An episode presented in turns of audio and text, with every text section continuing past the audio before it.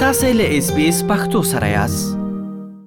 په افغانستان کې د اوبو د کمښت ستونزه خای پراتلونکو کې په یو ناورین بدل شي په دې وروستیو کې د افغانستان د یو شمیر ولایتونو څخه د اوبو د کمښت راپورونه ورکړل شوي اټکل دا دی چې که د ستونزې ته د حل لار ونه موندل شي دا موضوع خای په یو ناورین واوړي عام باور دا دی چې افغانستان سږ کال د طالبانو د تیرې واکمنۍ په څیر بیا هم له وچکالۍ سره مخ دی د افغانستان اقتصاد چې تر ډیره کچه کرنې او موسمي ورښتونو پورې تړلی نو ښای د کرنیزو محصولات کمښت د دغه هیواد ټولنیز اقتصاد زیانمن کړي په تیر ژمي کې په افغانستان کې د واورې او بارانونو د کمښت لامل سږ کال د اوبو سرچینې هم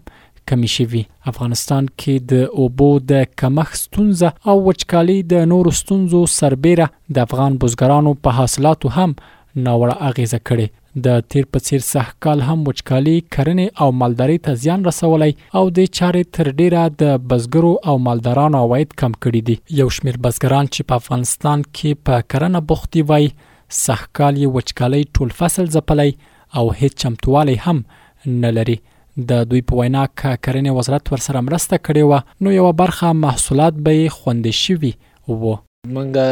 دیقانان چې دا د اوبو له کمښت سره مخ یاسو او بل صحي اوبه نه لرو د خوراک اوبه بارانونه په وخت نه کیږي که چیرته باران په وخت وسی نو ښه حاصلات کیږي حاصلات به مو ډیر وي او باران چې بارانونه نه کیږي نو په دې خاطر حاصلات کم دي او مونږ له امارت اسلامي افغانستان نه امارت نه غوښتنه دا ده چې موږ بزګران سره کومک وکړي او صحي اوبه برابر کړي له په نورو برخو کې موږ سره کومک د موږ منطقه اوی ده اوبه لري لیکن اوبه د بارندګي ته ضرورت لري دیقان دومره هم د غریب ساحه کې روان ده په دونه مشکلات سره روان ده چې یو یو بوجي کوټ په درې زر پیسې نو دیقان به څنګه واخلي دا غریب خلک دي دی اوس هیڅ کوم نه کومک نه سوی اوس فعلا موږ دغه دغه تحریک نه لیان دغه نظام نه لدی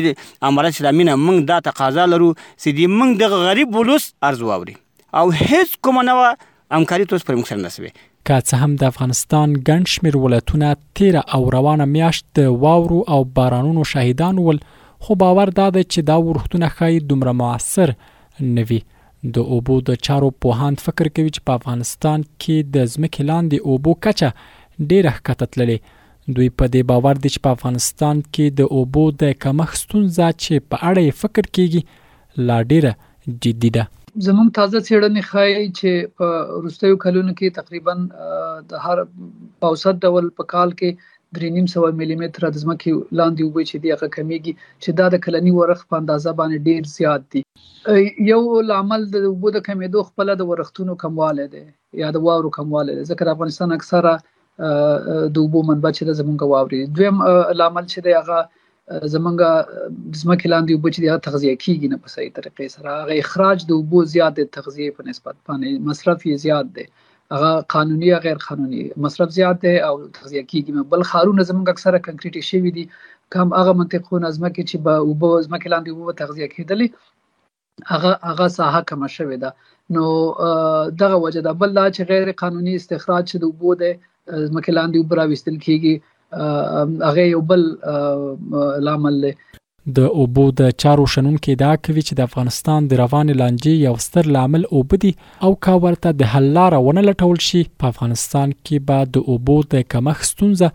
د پراخو ټولنیزو، امنیتي او اقتصادي ستونزو سربېره به یو شمېر افغانان دې ته هم اړ کړي چې له یوې سیمې بلې سیمې او آن بهرنیو هېوادونو ته کډوال شي. که چېرته دا په همدې شکل باندې ادامه پیدا کړي، نو نه دا یوازې د افغانستان لپاره، بلکې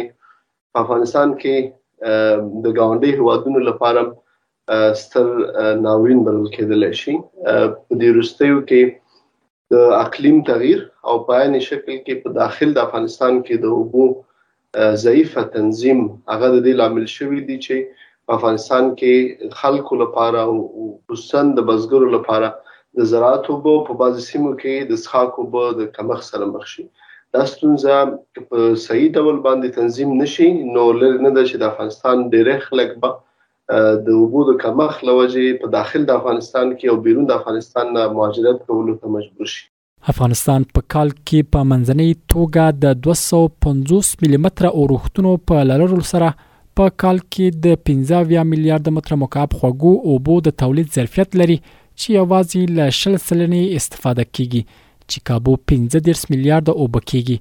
ډیره برخه د غوبه بیا د بیلابیلو لاملونو له وجې ضایع کیږي د ملګرو ملتونو سازمان او کابل پهنتون یوې ګډې سروې په تیره کې خودلې و چې په افغانستان کې د سړی سر اوبه 2915 متر مکعب دي چې ډیره برخه یې ضایع او یا هم په سمه توګه ترې کار نه اخیستل کیږي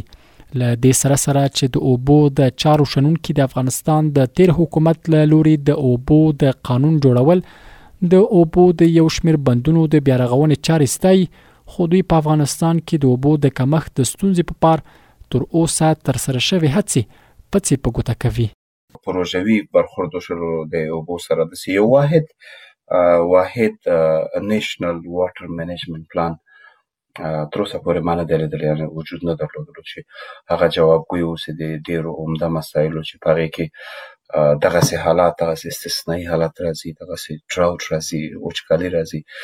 چې دې لپاره یو کنټینجنسي باید وجود درلودلی چې ښه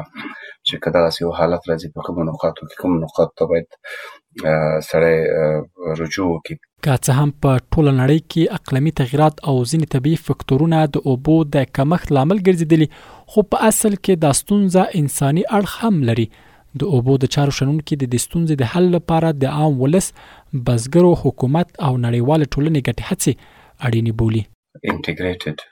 واټر منجمنټ پلان وي په نېشنل لیول باندې او په هغې کې وکولی شو چې موږ لکه ما مخکې ذکر کړله چې هغه دغسې حالات دغسې مترقبه او غیر مترقبه حالات نه باید واقف اوسو او وکولی شو چې